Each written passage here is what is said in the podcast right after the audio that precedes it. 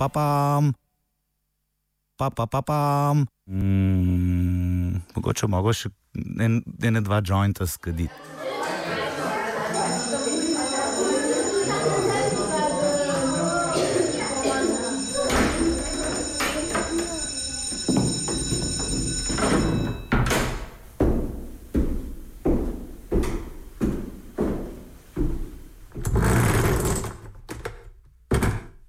Gostujočimi komentatorji in komentatorkami vsak ponedeljek ob treh sprevračamo katedro Radia Student. Premislimo izobraževanje pod katedrom. Teža pedagoške fantazme. Koliko tehta sodobna pedagoška fantazma? Koliko je težka? Preden začnemo s tehtanjem, povzemimo, na kaj merimo z izrazom pedagoška fantazma. Čisto na kratko rečeno, logika današnjega razmišljanja o šoli in vsega, kar pa še zraven, o vzgoji, znanju, izobraževanju. Skratka, logika danes najbolj razširjenih naziranj in prepričanja o tem, kaj in kako je treba danes vzgajati in poučevati, se odvija pod okriljem neke romantične in še več, celo hiperromantične pedagoške fantazme. Ob tem s predikatom pedagoškega ne merimo izključno na strokovne pedagoge. Pedagoška fantazma je prevladujoča ideologija današnje poznokapitalistične zahodne družbe, in ima zagrizene pristaše v vseh družbenih skupinah, razredih in slojih. Najbolj ljudstvo, mlado ali staro, žensko ali moško, bogato ali revno, javno ali zasebno in predvsem laično ali strokovno, njihova razmišljanja o šoli se ujemajo v istih ocenah, grajah in hvalah in seveda tudi protislovjih. No, kaj je značilno za hiperromantični duh sodobne pedagoške fantazme? Če se je idealizem običajne romantike ponašal za pelom bodi tisto, kar si, potem bi lahko rekli, da se hiperromantični duh sodobnih pedagogov ponaša za pelom ne prenehaj biti tisto, kar zmoreš biti. Aktivno, kreativno, participativno. Gre za ideal učenčevega neposrednega doseganja takšnega spontanega, aktivnega in kreativnega znanja, ki bi ne bilo več obremenjeno s prenosom in reprodukcijo zgolj starih, neživljenskih učencev tujih vrednosti.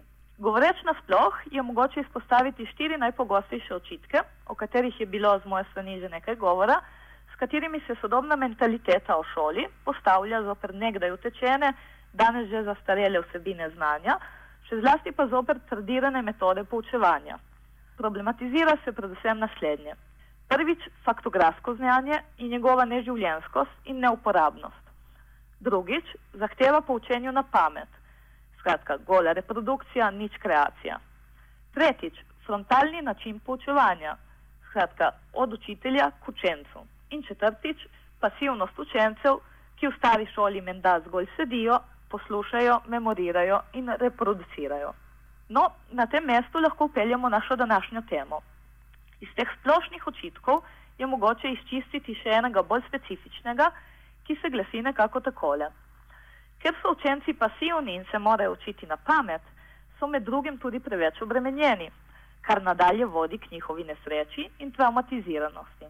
Za povrh pasivna vloga učencev slednjim bojda preprečuje slehrno ustvarjalnost, kritičnost in avtonomnost. Očitek preobremenjenosti učencev nam je gotovo znan iz vsakdanjega življenja. Pogosto slišimo, da so torbe naših otrok pretežke, A po drugi strani prav to pravijo tudi pedagoški strokovnjaki. Naprimer, citiramo gospoda Novaka z Pedagoškega inštituta. Citiram. Najbolj pogosta dejavnika preobremenjenosti učencev sta prenatrpanost učnih vsebin in prevladujoči frontalni pouk tudi pri naravoslovnih predmetih in matematiki. To izhaja iz kurikulov in učnih načrtov po konceptu učno-vsebinskega načrtovanja. Izhodišče razbremenjevanja učencev je zaposlovanje učencev glede na njihove sposobnosti in interesne aktivnosti. Učitelj bi moral prirediti vse postopke pouka za spodbujanje učenčeve aktivnosti. Ali ta očitek stoji? Skratka, ali so današnji učenci dejansko preobremenjeni? S tem se bomo strinjali. Torbe današnjih učencev so dejansko preobtežene, to ne znanje, temveč pedagoško fantazmo.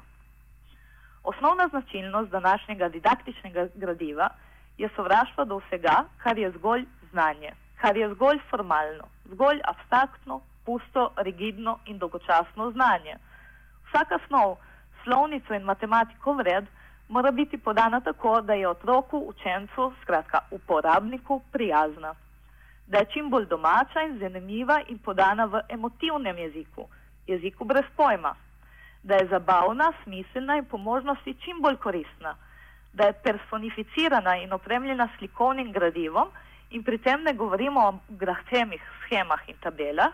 Ne, učbenik po meri današnjega otroka mora biti opremljen s tripovskimi dialogi, ponazorjenimi v besedilnih oblačkih, z vsakdanjimi situacijami, šalami, igrami uživljanja v obravnavano snov in tako dalje. Sodobnemu otroku, učencu, uporabniku je treba najprej in predvsem naslikati kaj čudovito domiselnega, spontanega, ustvarjalnega, zabavnega, osebnega in celo intimnega, samo da je več od suhoparne snovi, da se le ne poslužuje duhamornih, človeku neprijaznih in nekoristnih pojmov. No, podkrepitev pravkar rečenega z navedbo konkretnih primerov bi bila na tem mestu skoraj da nepotrebna, saj je princip biti učencu prijazen, glavni in povsem neprikriti adut, na katerega enfatično stavijo tako rekoč vsi izdajatelji in izdelovalci učnih gradiv, nič manj kot to narekujejo osnovne smernice sodobne pedagogike. V ilustracijo navedimo le en zgleden primer, uradne predstavitve nekega sodobnega učila. Gre za priročnik slovenske slovnice, katerega naslov je ne slovnica, pač pa gospodična slovnica.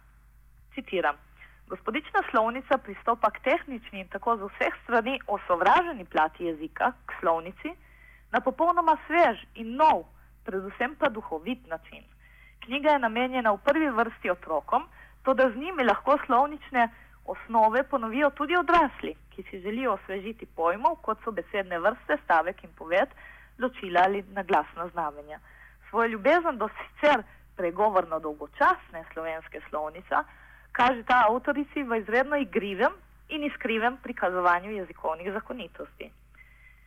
Tema vsakega poglavja je jasno razložena, razlaga pa je opremljena z domiselnimi in iskrivimi verzi in rimami, s pomočjo katerih si bodo bravci igraje zapomnili slovnične pojme, namreč kar pri pouki zveni resno in zahtevno, gospodična slovnica predstavi skozi igro, s katero se zelo dobro ujeme, ujamejo in dopolnjujejo barvite ilustracije Irene Romih. To je bil povzetek enega izmed učbenikov strokovnih učil za osnovno šolo, ampak tudi za odrasle in vse prijaznosti željne učence in uporabnike. No, ko gre za vprašanje sovraštva do vsega, kar je zgolj formalno, zgolj abstraktno in že zato pregovorno dolgočasno, so naslovi sodob, sodobnih učbenikov nasploh zelo povedni. Vzemimo naslov učbenikov pri matematiki. Med naslovi uradnih učbenikov za osnovno šolo bomo recimo naleteli na zelo različna imenska čudesa, kot naprimer igraje in zares v svet, svet matematičnih čudes ali pa svet matematičnih čudes ali pa igraje v matematiko, kocka, igra števil in oblik, matematika za radovedneže.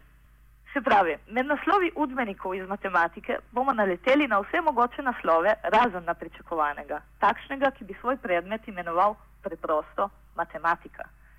Zakaj se matematiki danes ne sme več reči preprosto matematika?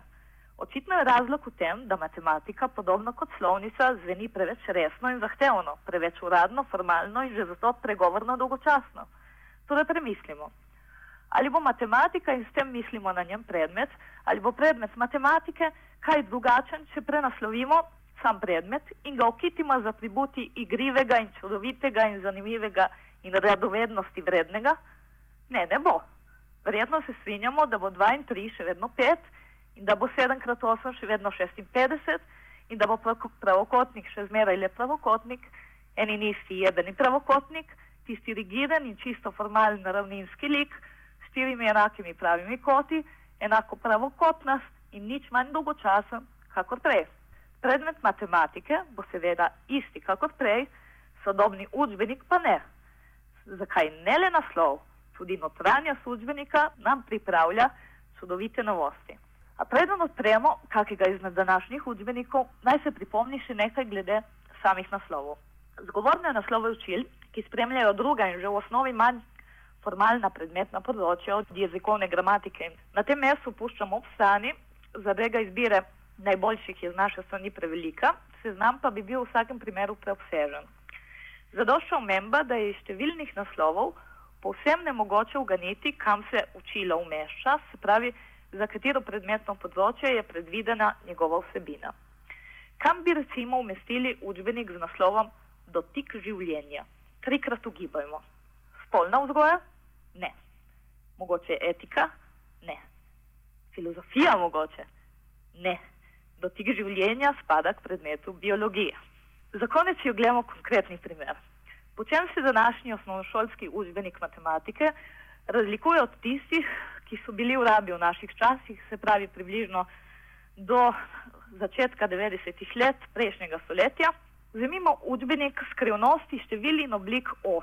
Gre za učbenik za 8. razred osnovne šole. Kaj opazimo? Najprej učbenik je v A4 formatu in je precej zajetnejši od takratnih. Najsi so iz njega izpuščene vaje, vse vaje za domače naloge, kajti delovni zvezek pride kot dopolnilo. Poleg učbenika obstaja še prav tako zajeten delovni zvezek. Dalje, na platici novega sodobnega učbenika je risba dveh učečih se šolarjev, deklice in dečka. Naša platnica je bila, če pomnimo, siva, mrežasta in prazna. Na njej je pisalo zgolj matematika, poleg tega, da je bila A5 format. Dalje, odpremo učbenik in na prvi strani, še prej, na, na zadnji strani same platnice zagledamo strip. Ta ista deklica in deček z platnice se odpravljata na potovanje, pravzaprav taborjenje. Preberemo strip in ne najdemo ničesar, kar bi bilo kakorkoli povezano s predmetom matematike. Dalje, naslednja stran, predgovor oziroma nagovor avtorjev učbenika, nagovor učenkam in učencem. Nagovor se glasi takole: Leto je naokrog, špela in rok sta se s prijatelji vrnila med šolske klopi ter se podala na novo matematično avanturo. Zdaj smo izvedeli, kdo sta deklica in deček z platnice in stripa, to sta špela in rok. Nagovor se nadaljuje. Še vedno vas bodo na poti pridobivanja matematičnih učenosti spremljali stripi, ilustrirane zgodbice, podanimi matematičnim problemom, rešenimi primeri in naloge za vajo.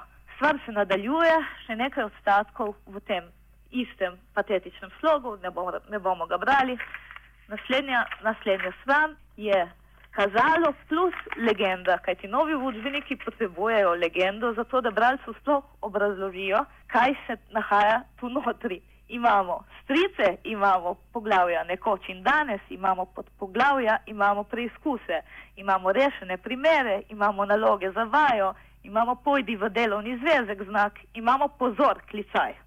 Imamo še marsikaj drugega, dogovore in opozorila, rešene primere, različni standardi, ločeni po barvah, zato da so zadovoljeni vsi okusi, vsa predznanja in vse aspiracije.